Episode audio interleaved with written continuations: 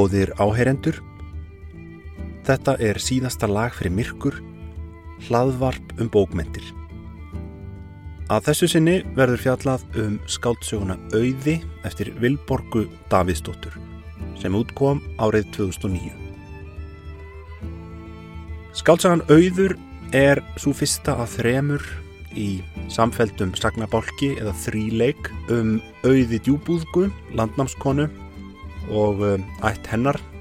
Í þessum fyrsta hluta sagnabálksins er landnám Íslands ekki enn á dagskránni. Hér er auður bara unglingsstúlka eða ungkona og býr í söðuregjum ásand fjölskyldu sinni. Þetta er norrænt fólk, fólk frá Noregi en þau búa þarna á söðuregjum sem eru rétt utan við Skotland og ástæðan fyrir því að þau eru þar er ekki um, útskýrð nákvæmlega í þessari sögu en við þekkjum þetta úr lagstæla sögum og fleiri miðaldaheimildum sem Vilborg stiðst við í þessari sögu. Tilfellið er sem sagt að fadir auðar, Ketill Flatnefur, er einn af mönnum Haralds Hárfagra og Haraldur Hárfagri sendir Ketill til Suðureyja til þess að vinna eigarnar aftur af skotum og írum sem höfðu náð völdum þar eftir að Haraldur um, hafði áður lagt þar undir sig og síðan fór hann til Noregs og uh, misti í raunni stjórnina. Þannig að Ketill Flatnefur er sendur sem agent Haraldar Hárfagra uh, og þess vegna búa þau þarna hann og fjölskylda hans. En Ketill Flatnefur er uh, ekki mjög næjusamur hann gerist sjálfur höfðingi yfir Suðuregjum og um, lætur það alveg eiga sig að gjalda Haraldi Harfara skatta eins og hafi verið hugmyndin. Og um, uh, Haraldur konungur er ekki sáttur með þetta og leggur undir sig eignir Ketils í Norri Ketil hafi sett uh, Björn svonsinn yfir eignir sínar í Norri en um, þegar uh, Haraldur verður ósáttur við hann þá reykur hann Björn burt og upp úr þessu flytur þetta fólk til Íslands, þó ekki Ketill sjálfur. Í skálsögunni auði er mikið fjallað um Írland og Írska sögu, enda berst leikurinn þangað og um, þetta er á tímabilinu sem er vikingaöldin í sögu Írlands og í Írskri sögu er talað um tímabilið frá því um 800 og fram til 1169 sem sérsta tímabil uh, vikingaöldin og á þessu tímabili er mikið um innrásir vikinga, norrætna manna og það er tölvert af norrænum mönnum sem setjast að á Írlandi vísvegarum ströndina.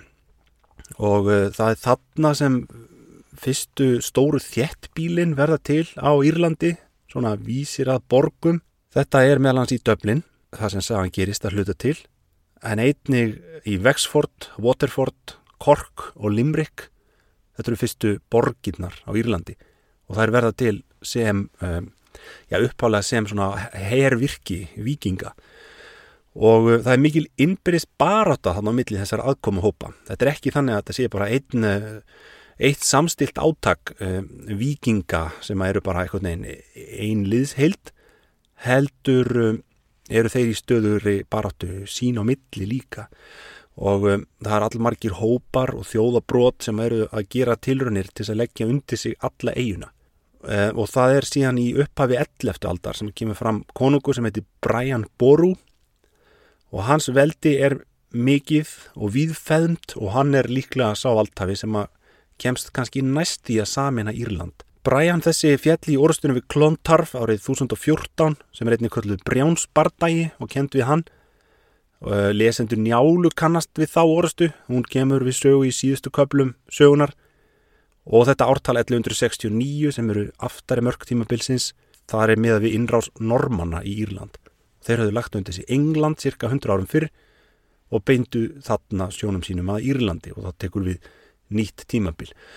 En Saga Vilborgar gerist sem sagt svona á fyrri hluta eða snemma á þessu vikingatímabili eða um miðja nýjönduöld Uh, og þá er döblin að vera til sem hervirki eða bækistöð vikinga.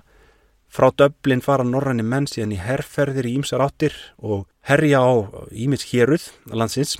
Flokkadrættirnir þarna um þetta leiti eru gróflega þannig að það eru tveir hópar sem berjast. Það eru annars vegar þeir norrænu landnemar eða vikingar sem hafa sest að í landinu frá því um 800 og semst fyrstu hóparnir sem koma. Þeir eru kallaði fingallar á írsku sem þýðir bókstaflega ljósir útlendingar og þetta eru norðmenn í stóran dráttum. Hins vegar er það nýrhópur norræna manna sem byrjar að koma og ráðast inn í Írland um og eftir 850. Eh, eru svona hálfri öll síðar. Þeir eru kallaðir duvgallar sem þýðir bókstaflega dökkir útlendingar og þetta eru danir í stóran dráttum. Þannig að að átaka línan í þessari sögu Vilborgar er, já, ég minnst í þeim köplum sem fjalla um hernaðin á Írlandi er svona millir norðmanna og dana sem eru aðkomum menn hérna í landinu. Árið 853 kemur konungu til valda í diblinni sem heitir Ólafur Kvíti og það er einmitt árið sem sagan gerist, eða sagan hefst, saga Vilborgar. Og Ólafur þessi var eiginmaður hennar auðar, djúbúðgum og þetta er lungu aður en Ísland er numið og, og þetta er eh, sem sagt forsagan eh, sko, við okkar vittneskja um auði djúbúðgu er, er bara þetta, hún kom til Íslands og hérna, það er smá ingangur hérna í lagstælusögu það sem er sagt frá aðdraðandanum eh, en við vitum sára lítið um auði og þessi æsku ár hennar þannig að Vilborg býr þetta nú spinnur þetta nú upp á megnu til en byggir að sjálfsögða á annálum og einsum sagfræðilega traustum heimildum. Hennar verkefni hér eins og í flestum hennar skaldsögum er að eh, eh, stoppa upp í þessi gött í eh, sögu miðalda, norræna miðalda og landnámsins á Íslandi og það ger hún hér með því að búa til þessa forsögu. Útskýra fyrir okkur betur eina af þessum þekktustu personum landnámsins.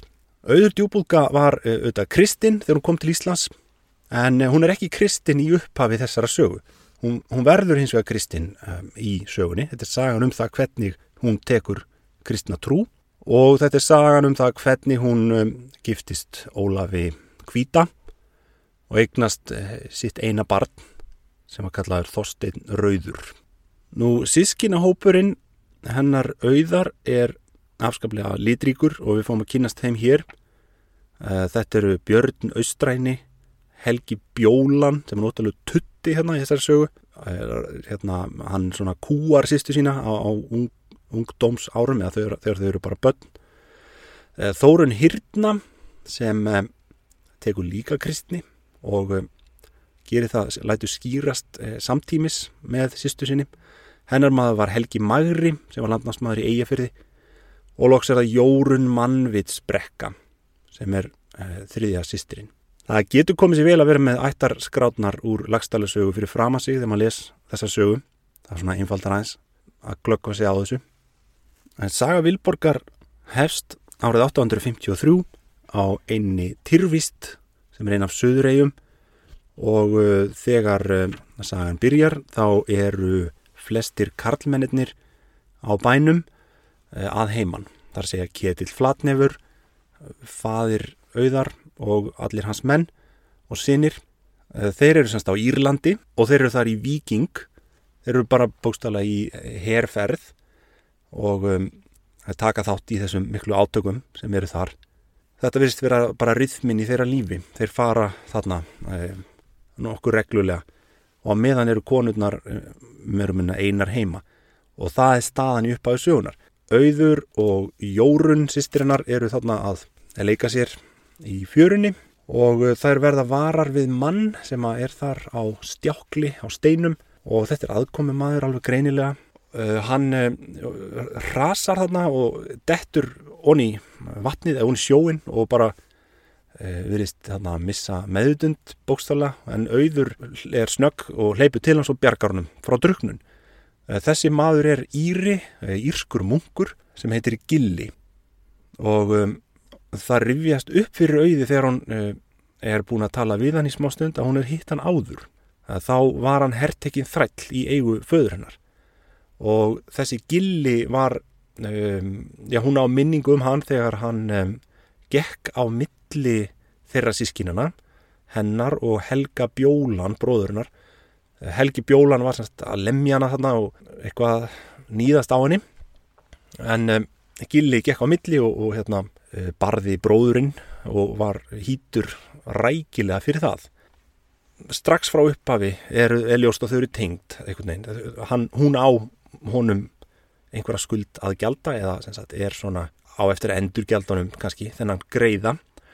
Og Gilli er þarna komið til þeirra bara einn á eigin vegum. Þetta er nú sjálfgeft í þessum heimi að menn séu að sigla einir á milli landa en það er þó ekki óþægt Gilli er komið þarna frá Írlandi og hann er með skilabóð frá Helga Magra Mági Auðar. Hann tilkinnir þeim sem sagt þarna að Helgi Magri sé búin að taka kristni. Hann sé búin að skýrast til kristni á Írlandi.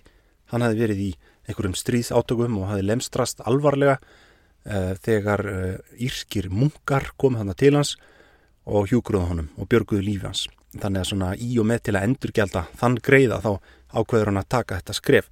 En það virðist vera að hann sé þó búin að vera laumu kristinn í nokkuð tíma eða bara frá unglingsárum. Helgi Magri er sonur írskrar konu sem að um, hafði verið kristinn og svona var þetta stundum. Eh, kristnin laumaðist svona inn í ættir og fólk tók kristni kannski um, án þess að gera mikið úr því uh, þarna á þessu stíð málsins. Það er ekki fyrir en setna sem að þetta verður svona virkilega aðkallandi þessi spurningum það hvort þú ætlar að taka kristni eða hafna henni. Helgi Magri er einn þeirra fjölmörgu karlmanna úr þessari fjölskyldu sem eru þarna á Írlandi að berjast við Dani og um, Gilli hefur sjálfur verið vittni að þessu og hann um, segir auði og konunum þarna á einni frá stríðsátökunum og hans lýsingar á þessum, þessum hernaði eru miklu ítarlegri og grafískari um, heldur en auður og þær hafa heyrt áður. Uh, það er ekki vennjan hjá uh, föðurinnar og hjá bræðrum hennar og þessum hermönnum að tala mikið um það sem þeir eru að gera. Þeir, þeir hafa ekki mörg orð um það sem þeir upplifa þegar þeir eru að heiman. Eh, það, það virist vera svona þegjandi samkomlega þarna í fjölskyldinu um að vera ekkert að gera mikið úr þessu. En Gilli opnar þarna aðeins upp á gátt fyrir auði og hún, og hún átt að segja á því að þetta er afskaplega ofbeldisfullt og þetta er mjög mm, svona já, eh, hennar tilvera á rætur eða svona einhvers konar efnahagslega grundvöld í uh, ofbeldi og ránum. Gilli segist vera komið til Suðureyja til þess að eh, bóða kristna trú og þeim þykir hann svona svolítið hjákáttlegur konunum. Hann er kallað Gilli Rauði, hann er rauðhærður og er um, svona kannski ekki eins mikil kappi eins og karlmennir í þeirra ætt og um, í hún Vélaug, Amma Auðar, henni er alveg sérlega uppsígað við kristnina og hún vil gera allt sem hún getur til að bregða fæti fyrir gilla og einhverja svona kristna trúbóða. Hún vil bara ekkit á þessu vita. Nú, skaldsagan Auður er þannig eins og fleiri bækur og kannski flestar bækur, Vilborgar, Davísdóttur, að það er mikið um svona skiptingar á milli sjónarhórna. Það er klift úr einni senu í er svolítið eins og kvikmyndahandrit. Og snemma í sögunni fóðum við að sjá það klifti yfir á gilla þar sem hann er að gramsa í einhverjum húsum þarna á uh, ketilstöðum, þetta bærin heitir það eftir Kalli uh, húsbóndanum, Kalli Flatnef og gilli er þarna að já, hann er að leita sagt, hann er bara að, eins og innbrottsþjófur að gramsa í eigum þeirra og um, það er ekki sagt í, fyrstu hvað honum gengur til en maður álíkta náttúrulega strax að hann sé þá Eh, ekki að koma alveg hreint fram. Hann sé í raunin ekki uh, alvöru trúbóði heldur síðan hann með einhverja annarlega hagsmunni, hann sé komið til að stela eða eitthvað þess áttar. Og síðan gerist það einn daginn að um, auður stendur hann að verki? Eða hún er að ganga fram hjá hofi sem um, er þarna á bænum og uh, Gilli er búin að vera inn í hofinu og þannig að allt í einu er auður komin með svona tangarhald á honum. Eða hann, hún gæti sagt til hans og þar með bara látið drepa hann hreinlega. En hún ákveður að gera það ekki. Hún greinilega heitlast eitthvað af þessu manni og stendur með honum.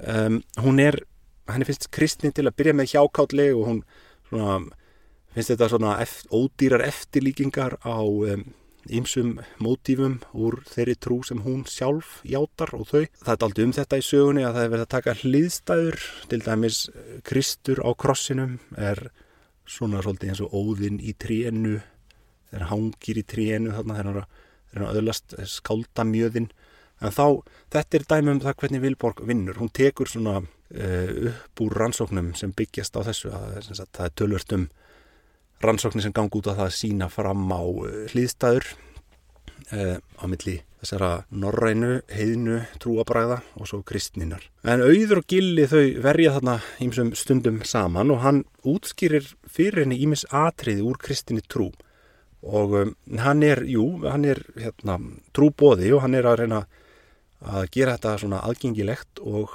eftirsoknavert fyrir þeim. Hann útskýrir fyrir þeim fyrir bara eins og heila þrenningu og fyrirgefninguna sem er mjög framandi fyrir þeim þarna Eh, flestar gera það nú bara lítið úr þessu, Vélaug, Amman, hún eh, bara fussar sveigjar, en auður svona, hún er móttækileg og hún heitlast að þessu.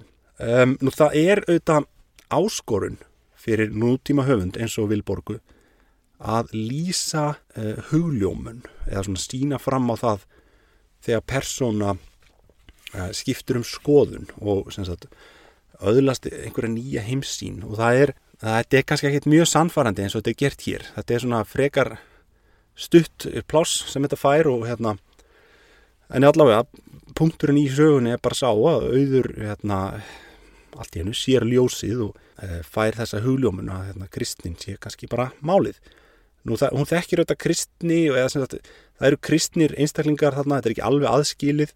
Það er kona e, á bænum sem heitir Morak og er væntalega írsk hún er eh, skign, hún er frilla ketils og um, hún sér í draumi hvítherðan mann sem um, hún álíktar að sé manns efni auðar og, hérna, og þetta er hugmyndir um Ólaf Kvíta sem hún á síðar eftir að giftast í sögunni. Eh, nú einhverju sinni þegar Gilli er þarna í innrúmi þá kemur auður aðunum óvænt og sér að hann er að fletta í mikilli bók uh, handriti eða glæsilegu svona, uh, kristnu handriti eða bók og um, þetta er bók sem er engri lík. Þetta eru er glæsilega gittlingar og myndskreitingar, hún er í stóru broti og alveg sérlega um, falleg bók. Og Gilli er, um, já við fáum að vita það að Gilli er búin að taka þessa bók frá Kalli, þess að hann hefur fundið hana þarna í hofinu og eh, Ketill Flatnefur hafði áður stóliðinni úr klustrinu sem Gilli kemur frá.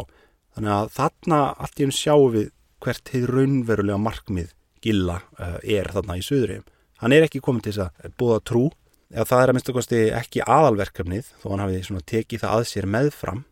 Uh, hans stóra köllun í lífinu er að sækja þessa bók sem á með réttu heima í hans klustri. Hann er að ætlar sér að skíla henni tilbaka, sigla aftur með bókina til Írlands og koma henni á sinn rétta stað. Eh, Vilborg útskýri það í eftirmála sögunar að þessi bók sé byggð á The Book of Kells sem er, eh, já, bara einn af þjóðar dýrgripum Íra, eitt merkilegasta handrit í heimi, geysilega myndskreitt og, og ríkulegt guðspjallahandrit sem er eh, í fjórum bútum í dag það var bundið þannig, það var bundið upp á nýtt árið 1953 en var lengst af í einu stóru bindi. The Book of Kells er í dag varðveitt í Trinity College bókasafninu í Dublin og uh, sagan hermir að sjálfur Kólum Killi hafi skrifað þetta handrit þegar það var að maður skusti trú manna lengi Kólumba eða Kólum Killi sem margir þekkja úr sjálfstæðu fólki eftir Haldur Lagsnes eh, er einn af helgustu mönnunum í sögu Írlands en hann er uppi á sjöundöld en nú er almennt álitið þetta handrið sé frá því um 800 það er vitað, eða það með skoðst ekki fram í annálum að þessu handriði var stólið úr klustri uh, úr klustrinu í Kells árið 1007 sem er náttúrulega tölvört setna heldur en þessi saga. En sem sagt, Vilborg eh, nýtir sér sitt hvað úr sögunni. Um, þetta er, það er auðvitað þetta sem vikingarnir er að gera á Írlandi þeir eru að stela öllu mögulu og þegar uh, þess, þetta handrit fannst aftur þá uh, var það uh, það var búið að taka hérna, skrín að, eða kistil sem að var þetta var gemt í, þetta var gemt í svona litlu boksi sem var húða með gulli og gimstinum og þessir vikingar þeir höfðu bara áhuga á því. Þeir skildu bókina sjálf eftir, þeim var alveg saman um hana. En allavega, við fórum að sjá það þarna að Gilli er að sækja þessa bók og hann er bara, það er hans verkefni. Og þegar þessi bók gemur inn í sögu Vilborgar, þá fær maður svona, oh, æ, það er auðvitað að vera svona saga? Þá sér maður að þetta er bara eitthvað svona eitthvað svona spennu saga og þessi bók hjá Vilborgu er svona það sem Hitchcock hefði kallað MacGuffin. Þetta er eitthvað skonar afsökun til þess að keira plottið áfram og skiptir í sjálf og sér yngum máli hvað nákvæmlega það er sem umræðir þetta er hálgjört aukaðatrið en gott og vel, uh, við, við höldum áfram og sagan er um, um þetta hvernig mun þetta ganga? Mun þetta takast hjá honum? Gilli ætla bara að fara heim aftur til Írlands, hann er búin að ná í bókina, honum er ekkit að vannbúnaði að sigla bara heim aftur áður en karlmennir koma tilbaka. En þá kemur auður til hans og byður hann um að skýra sig til Kristina Trúar, hún er ákveðið að taka þetta skref og það verður til þess að Gilli á, hann ákveður að, að fresta heimferðinni, hann ætlar að býða nokkra dagi viðbútt, þau ákveða um, skýrnardægin og Gilli sér heilmikla möguleika í stúlkunni, hann kannski lítur þannig á málinn að hún geti við orði kristninni til framdráttar og það er auðvitað til mikils að vinna að svona konur sem eru af valdamiklum og áhrifamiklum ættum að það er í kristni þannig að hann ákveður, ok, ég ætla að býða aðeins með að fara heim með bókina og ég ætla að gefa mér nokkra daga hér í viðbót. Eh, en síðan aðfarnóttu dagsins þegar auður ætlar að skýrast og þórun hýrna sýstirinnar, hún ákveður að gera þetta líka. Þær ætlar að láta skýrast saman. Eh, Nóttina áður en skýrnardagurinn rennur upp þá kemur heilmikið þrumuveður og eh, eldingar. Eh, og eh, sá undarlegi atbyrður gerist að það lístur eldingu niður í Þórshofið þar sem eh, bókin hafi verið geimt og uh, það kviknar í því og brennur til grunna. Uh, þetta er svo bjánalegur atbyrður í sögunni að mann er skapið næst að hætta bara að lesa. Þetta er, þetta er eins og léleg bíómynd. En ok, við höldum áfram, við vorum að sjá hvernig þetta gerist, hvernig skýrutnin gengur. En allavega það sem Gilli græðir á þessu er það að núna brennur hofið og allt sem það er þannig að Sönunabyrðin einhvern veginn gufar upp. Menn líta þá bara svo á að e, bókin hafi brunnið með hofinu og það er ekkert meira vandamál með það. Dæin eftir fer skýrnaratöfnin fram eins og um hafi verið samið og e, þegar auður er nýskýrð, með minnra að það sé bara hérna sama dag eða dæin eftir, allavega mjög stutt eftir það, þá er tilkynnt að Ketil Flatnefur, fadir hennar og hans menn séu komnir heim frá Írlandi. Um, það er mikið um skarpar skiptingar á milli kabla hérna hjá Vilborgu það er ekki svona uh, hún er ekki að dvelja mikið við um, hlutina og hún er auðvitað bara að segja spennandi sögu og vil keira þetta áfram og hún tekur sér smá hlýja einstakar sinnum en þeir kablar eru afskaplega um, veiga litlir til dæmis kablarnir þar sem hún lýsir hernaðinum og átökunum á Írlandi og uh, líka kristninni og svona þessum ræðum hans gilla munksins þarna og um, hugleðingum en um, ég myndi segja að það væri kannski veikleikin í þessari rannsóknarvinnu um, þegar bókin kom út þá voru gaggrinendur á einu málum það að þetta væri afskaplega vel rannsökuð saga, hún byggir á miklum rannsóknum. Og það leynir sér ekki að uh, Vilborg hefur unnið þregvirki í því að uh, Eh, kynna sér þessa sögu eitthvað svona, þannig að, eh, að hún hafi mikið svona mikið vægi sem fræðilegt innlegg. Og það er alveg ljóst að Vilborg hefur stúdirað þetta mjög vel en hún er ekki stúdirað kristna teóriu sérlega vel, ekki að marka má þetta. Þetta er voðalega svona þund hérna, þessi lýsing á, á kristninni og kristinni kenningu, kannski verður þetta betra í næstu bók, mér fannst eða miklu betri lýsingin á, eh, á völvu stúrsinu þarna í hinnibókinni undir Yggdrasil, en ok Ehm, Ketill Flatnefur kemur heim og Helgi Bjólan og allir þessi menn. Og þá sér hún vélaug, amman, sér leik á borði og ákveður að ljúa því upp á gilla að hann hafi brent hofið, hann hafi bara kveikt í því. Og Jórun, sýstir auðar, Jórun Mannvitsbrekka, er hún kölluð og það er gefið í skín að hún sé svona einhvern veginn misþroska eða ekki alveg með full FM einhvern veginn. Uh, Jórun tekur undir þessa frásögn. Hún segist að það var séð það í huganum þegar Gilli brendi hófið og það þarf ekki meira til uh, til þess að Ketill uh, trúi þessu hann er tilbúin til þess að trúa öllu íllu upp á svona menn svona kristna hunda og hann heggur Gilla og drefur hann bara á staðnum og þetta þarf auður að horfa upp á að lærimistari hennar er bara drefin hann beint fyrir framann hana. Nú með drápi gilla þá færist ábyrðin á verkefninu stóra yfir á auði sjálfa. Þar sé auður veit af bókinni og veit af þeirri fyrirætlan gilla að skilinni. Getill tilkynir auði það þegar hann kemur frá Írlandi að hann sé búin að finna mannsefni í handinni. Það er þessi Ólafur Kvíti sem er konungur í diblinni. Ólafur þessi er ekkill, hann hafði áður verið kvæntur konu sem hétt Gormlöð og var írskona. Hún er nú látin en þau eignuðist saman einn són, Karl Ólafsson sem er bara ungur drengur þarna. Hann kemur aðeins við sögu hér en mig grunar hann komi meira við sögu í næstu bókum. En þegar auður fær þessar frettir að hún e, eigi að flytja til Döblin, eigi að giftast konunginum í Diblinni, þá er það fyrsta sem hún hugsar hvað er langt frá döblin til klustusins. Uh, hún ætlar sér þá að klára verkefnið sem Gilli byrjað á og hennar eigið líf er þá, virðist vera orðið hálfgett aukaðatrið hjá þessu stóra verkefni sem er að skila bókinni. Í næstu köplum og eftir er sagt frá brúðkaupi þeirra, auðar og Ólafs Kvíta. Þetta gerist á einni mön. Þjónustukonan Mórak, þessi írska, hún kemur með til brúðkaupsins og hún er hálgerður þyrnir í augum yngveldar sem er móðir auðar og hún er svolítið eins og seðkonan Læma, eða mun eftir henni úr skáldsögunni undir Yggdrasil sem er þetta útlensk kona sem er hjákona höfðingjans sem, sem er Þórólfur Mostarskegg í hinni bókinni en e, Kittill Flatnifur í þessari bók þar hafa svolítið svipa funksjón þessar tvær.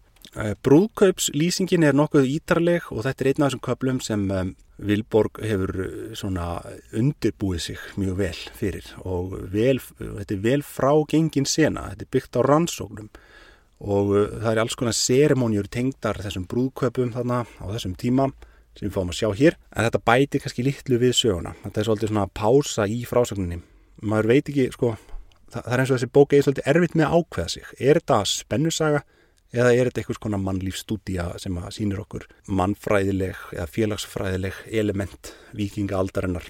Mér finnst þetta ekki ganga alveg saman, það er eins og, eins og þetta tvent svona uh, blandist ekki nóg vel uh, í þessari bók. En þrælarnir á mön, þeir uh, vita það að auður hefur tekið kristni. Og það er svona, það kvisast út hjá þjónustufólkinu þarna í kringuðu að, um, og þrælurum að, að hinn nýja eða hinn væntanlega drottning sé kristinn. En það er ekki búið að gera neitt mikið með það. Og kannski er hún bara svona laumu kristinn. Og þetta er svona ofinbært leindarmál uh, nú fyrir þrælunum er þetta daldið merkilegt og þetta skiptir máli fyrir þau vegna þess að með þessu þá eiga þau frelsi. Sjálfur þau kristinn og kristið fólk er ekki vant að halda trúsiskinum sínum í ánauð. Það er svona það sem þau vinna með. Nú það er uh, mjög kostuleg lýsing á brúðköpsnóttinni. Uh, eftir vissluna þá uh, ganga þau til hjónasængurinnar, auður og ólafur. Og eina af þessum sérimónium sem tengist brúðköpum á vikingöld er þannig, eða eitt af þessum, svona, eitt af þessum formlegu atriðum sem fylgja er það að eftir brúðköpsnóttina þá koma einhverju vottar inn í herbergið og skoða sængurfötinn og aðtöa hvort það er blóð í laginu eða í rúmfötunum. Eh, það er náttúrulega vegna þess að þegar megarhaftið er rofið þá blæðir, kemur blóður úr leggöngum konunnar og eh, ef það er eh, allt með feldu og megarhaftið er rofið á brúköpsnóttina þá er blóðið til margs um það. Ef það er ekkit blóð þá þýðir það að konan hefur sofið hjá karlmanni áður og hún er ekki hrein það getur verið skilnaðasög og það getur útheimt sektir og alls konar vesin og vandamál. Þegar þau eru gengin til kvílu þá kemur smá insýn inn í hugarheim Ólafs Kvíta og hann eh, er ekki tilbúin til að taka þetta skref. Ég vitna hérna beint í texta Vilborgar. Ólafur getur ekki varist brosi Þótt hún hafi sköpulag fullvaksta konu er hún líkust barni að sjá þar sem hún felur sig hrætt undir voðunum. Hann veldir því fyrir sér hvernig hann eigi að koma orðum að vilja sínum til að býða með að fullna hjónabandið. Hann hefur aldrei tekið konu nauðuga, hvað svo sem sagt er um hann. Hyggst ekki byrja því núna. Aukin heldur eru aðeins tvær nætur síðan hann lág síðast með eðnu, þörfin ekki eins kníjandi og ella, þótt hann finnir sér vissulega rísa hold þegar beri fótlegir þeirra snertast undir ábreyðunni. En nógur er tíminn, hann getur vel hingrað uns henni rorra í návist hans. Rattirna frammi hafa fjarlægst, eina hljóðið inni er snarkið í eldinum. Svo segir hann við auði, ég er nú engin óvættur auður, en við getum beðið með samlífið þar til þú hefur kynst mér dálitið og komist að því sjálf. Þannig á brúðköpsnóttina er Ólafur svona, hún finnst auður kona hans vera eitthvað stressuð og, og nervös og kannski ekki tilbúin í kynlíf sem er þó partur af þessu, þessum samningi, það þarf að fullna hjónabandið með þessum hætti.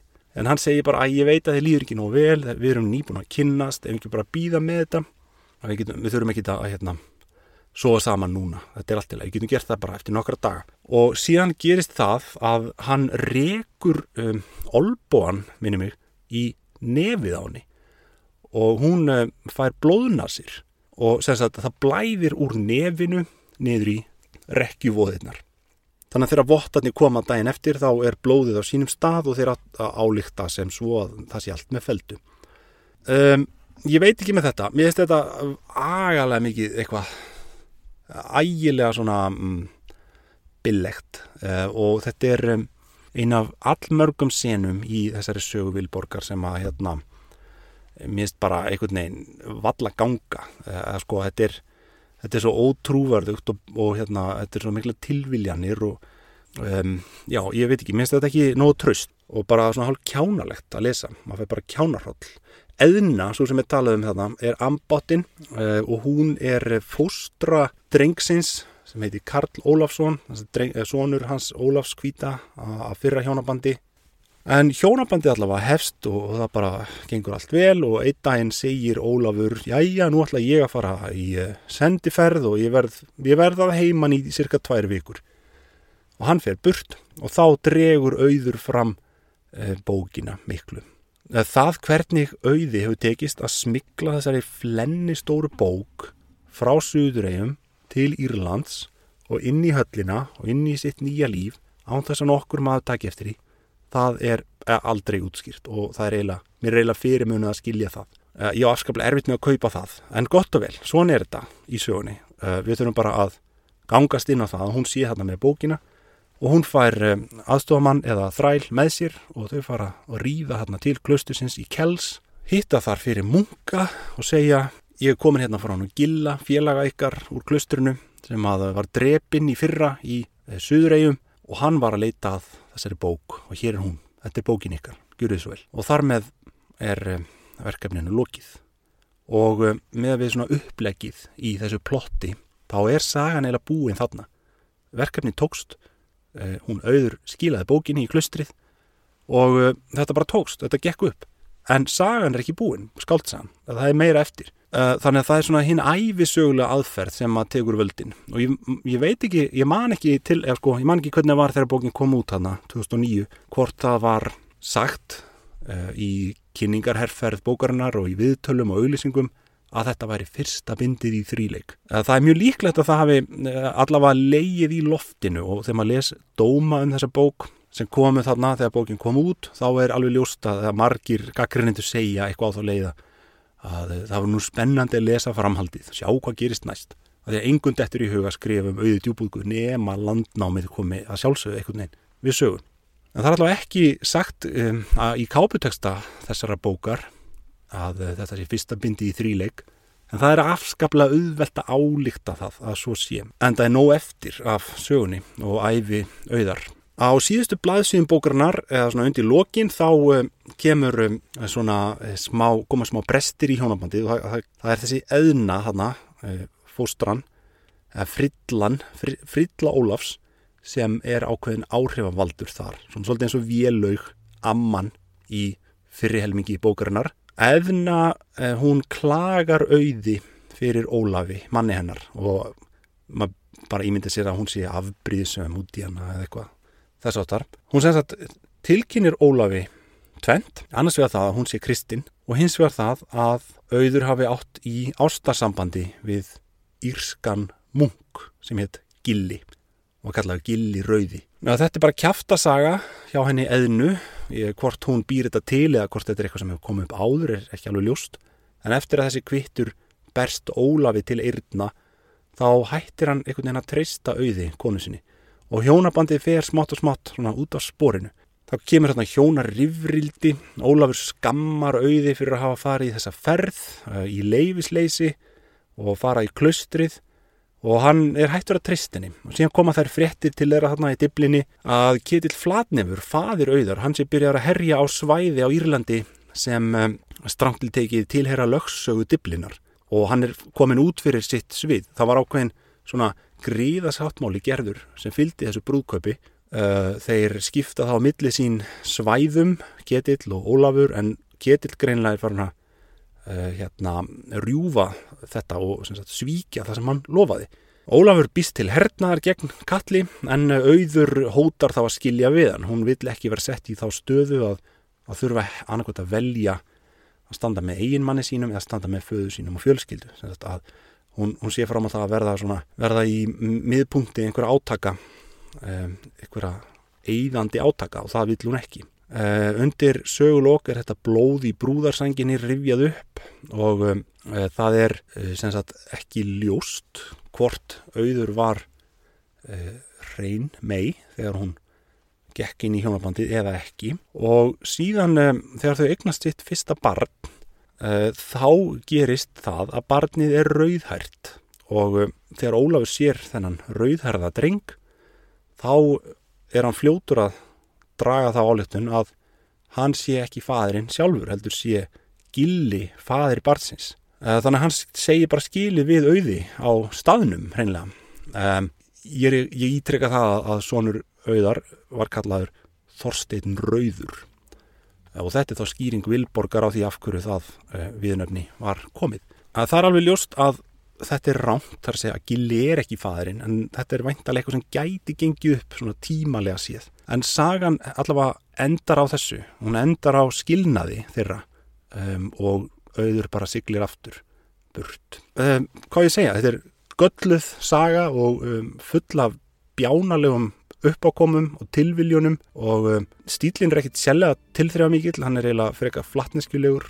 Um, minnst þetta bara, uh, já, ég get ekki mælt með þessari bók sem bókmæntaverki, en þetta er partur af þessu stóra verkefni, Vilborgar að gefa landnámsmönnum og konum líf í sögum, útskýra bakgrunn þeirra og um, svona einhvers konar framlag til norrætna miðaldafræða Þannig að ég sympatísera rosalega mikið með þessu. Ég hef tilbúin að fyrirgefa Vilborgu allt mögulegt og um, e, ég nenni til dæmis ekki að lesa glæpasögur af því að það eru formúlukendar og ég hef ekki áhuga á að lesa um lögbur en ég hef áhuga á að lesa um þetta fólk, auði og hennar ætt.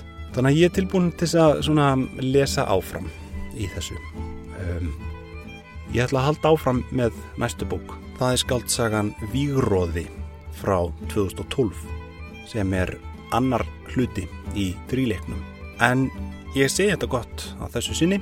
Skaldsagan Auður eftir Vilborgu Davíðsdóttur var viðfangsefni þáttarins að þessu sinni. Ég þakka þeim er hlýttu.